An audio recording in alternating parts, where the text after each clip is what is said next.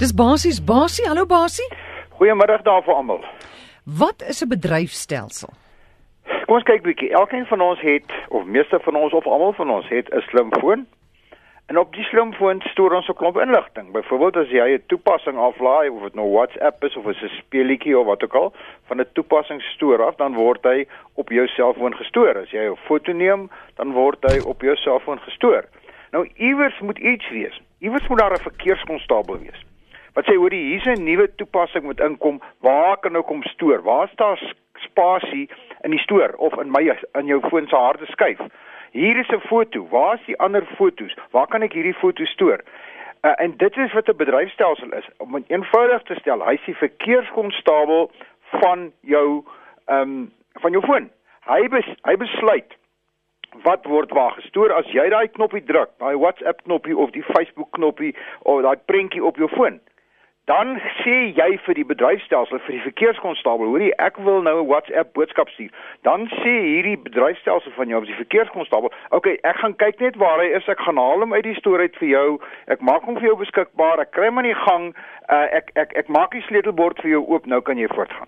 Elke slag as jy 'n sleutelknoppie druk, dan sê jy vir die bedryfstelsel, dan sê die bedryfstelsel, "Ag, ah, jy het 'n A gedruk of 'n B of 'n P of wat ook al en hy gee dit vir die program aan. Hy beheer die hele ding. Hy's in in in bevel van jouself. Nou waar kom dit? Waar hoor ons die terme? En jy hoor baie keer, iemand sê vir jou ek het 'n Android slimfoon of ek het 'n iPhone of 'n iOS slimfoon of ek het 'n BlackBerry slimfoon. Daai daai naam dui aan watse bedryfstelsel jy gebruik. Byvoorbeeld op hierdie stadium is 85% beweer hulle van al die slimfone oor die hele wêreld gebruik die sogenaamde Android bedryfstelsel. En al wat dit is, is dit is die Android verkeerskonstabel. So daai fone gebruik daai stelsel, hy beheer jou selfoon, hy sorg dat dinge reg verloop. As jy 'n 'n Apple foon het byvoorbeeld, dan skryf Apple sy eie bedryfstelsel wat bekend staan as iOS i operating system en hy beheer jou foon. Hierdie bedryfstelsels is verskillend. So elke vervaardiger het sy eie een behalwe Android wat deur verskillende vervaardigers gebruik word. Jy mag 'n blou selfoon hê of vervaardiger 1, 2, 3 of 4 en hulle gebruik almal Android op hulle verskillende handelsname.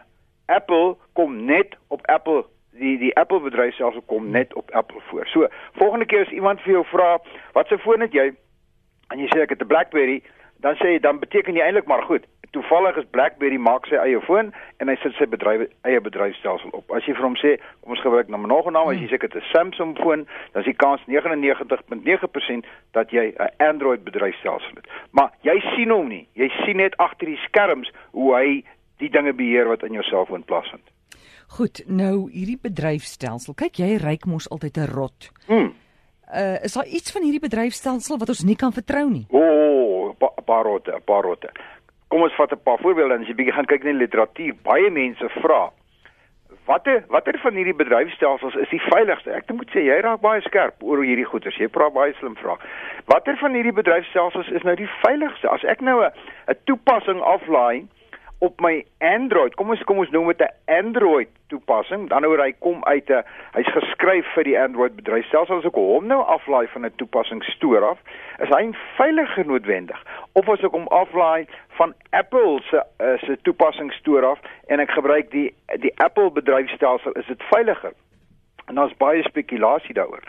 In beginsel aanvaar die mense dat dat die Apple foon en die Apple se uh bedryfstelsel iOS en Apple se toepassingsstoor is veiliger as Android se. Want om die rede, niemand beheer Android uh, Apple se bedryf se toepassingsstorie, net hulle self. Jy kan nie 'n toepassing gaan plaas in Apple se toepassingsstoor as hulle hom nie self deurgegaan het, behoorlik gedoen het, ehm um, geverifieer het dat hy veilig is ensovoorts ensovoorts nie. Android se uh, bedryfstoor en daar's 'n klomp van hulle. Dis die verskil. Daar's net een Apple uh, stoor waar jy toepassings kan aflaai. Daar's talle.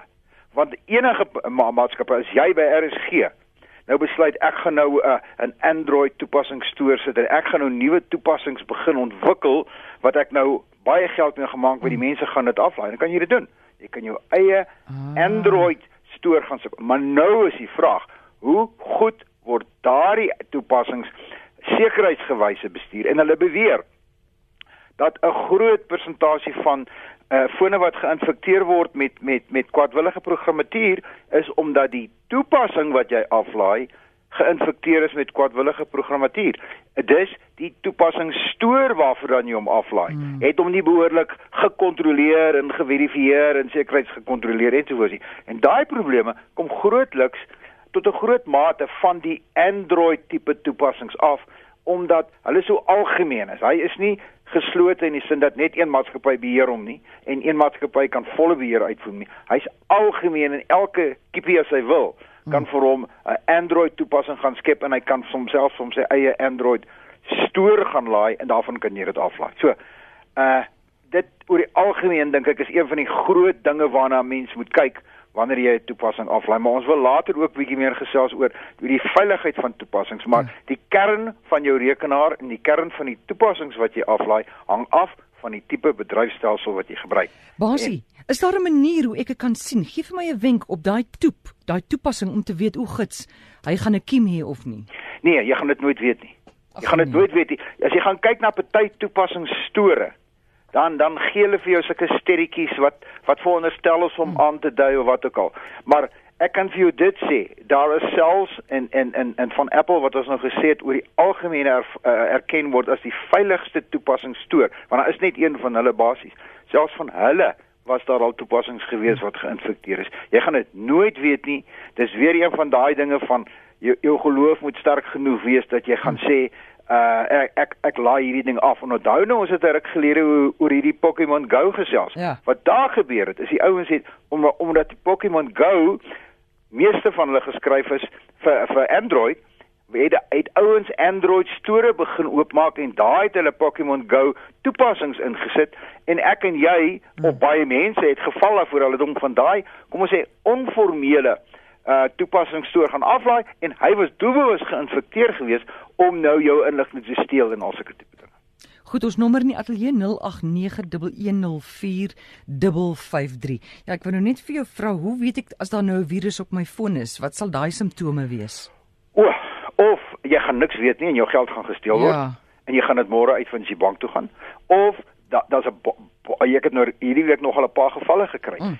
Daai daai virus of daai kwad hy hy enkripteer jou foon. Ons het al daaroor gepraat, hierdie gijselware. Hy hy net eenvoudig, hy maak alles op jou foon, alles wat wat nou in hierdie storie is wat hierdie verkeerskonstabel of die bedryfstelsel beheer word. Hy kom ons sê hy maak eintlik die verkeerskonstabel, hy verlam hom. En die bedryfstelsel oh. weet nie meer waar is wat nie en hy maak hom die mekaar en jou hele foon val in mekaar en jou data is weg en jy kan nie daarbey uitkom nie. Nou moet jy 'n gijselbedrag betaal om nou weer jou jou verkeerskonstabel of kom ons sê jou bedryfstelsel nou weer half aan die gang te kry en weer vir hom te kan sê waar hy dit goed gaan kry. Hier is hier is jy weet nooit 100%. Jy ja. sal dit nooit weet nie. Goed, hier's 'n oproep Chanat uit goeiemôre.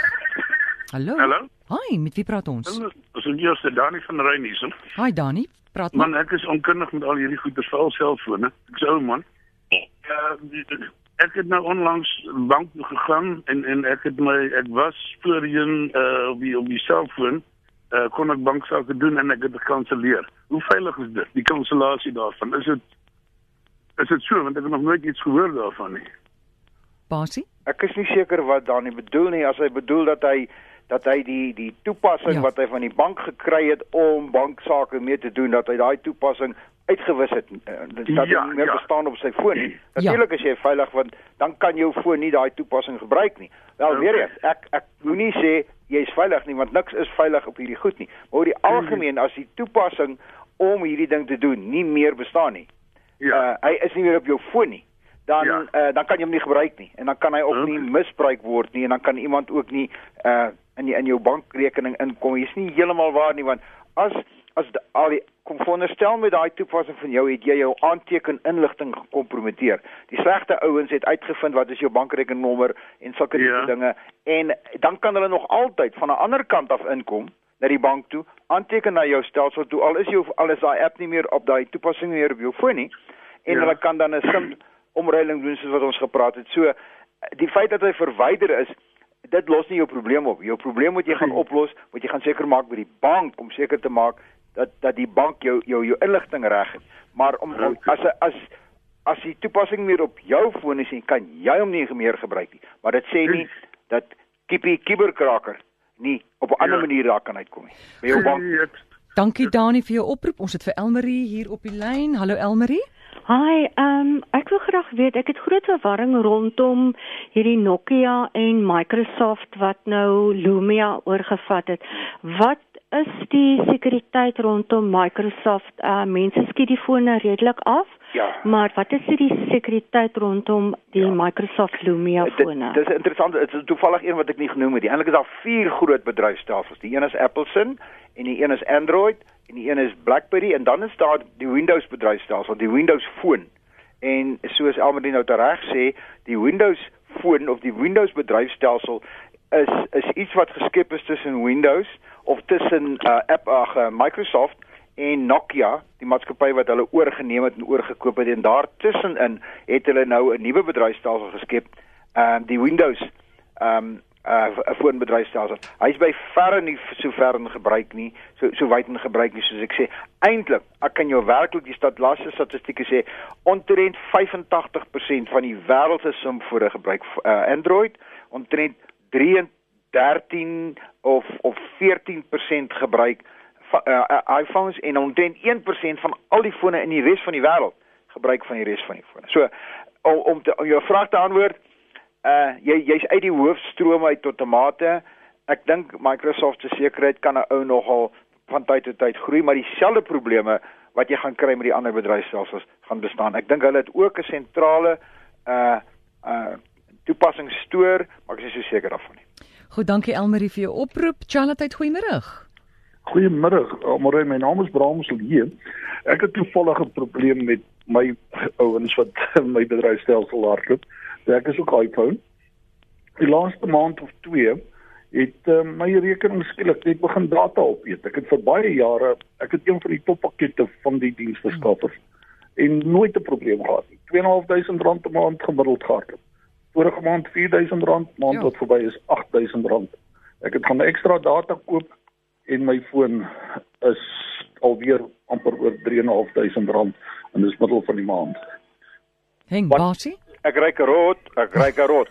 Ehm um, jy sien weet, wat wat heel waarskynlik met jou gebeur het is dat uh, ek sê nie dit is nie, maar dit is die tipiese gevolge daarvan. Jou foon is geïnfekteer en iemand anders gebruik jou data tyd.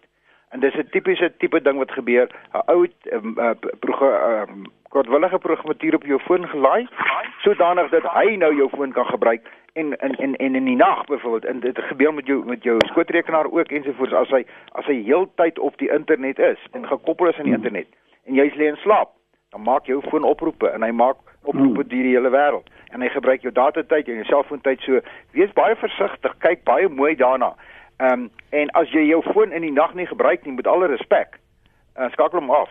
Want as jy hom nie gaan gebruik nie, hoekom moet as jou foon geïnfekteer is? Hmm. Maar die die simptome wat jy noem, is vir my duidelik dat iewers is iemand anders besig uh daai rot is besig om jou data tyd en jou geld tyd en jou in jou tyd te gebruik. Maar maak seker dat jou foon skoon is en daar nie skwadwillige programmatuur op. Hoe maak hy seker sy foon is skoon?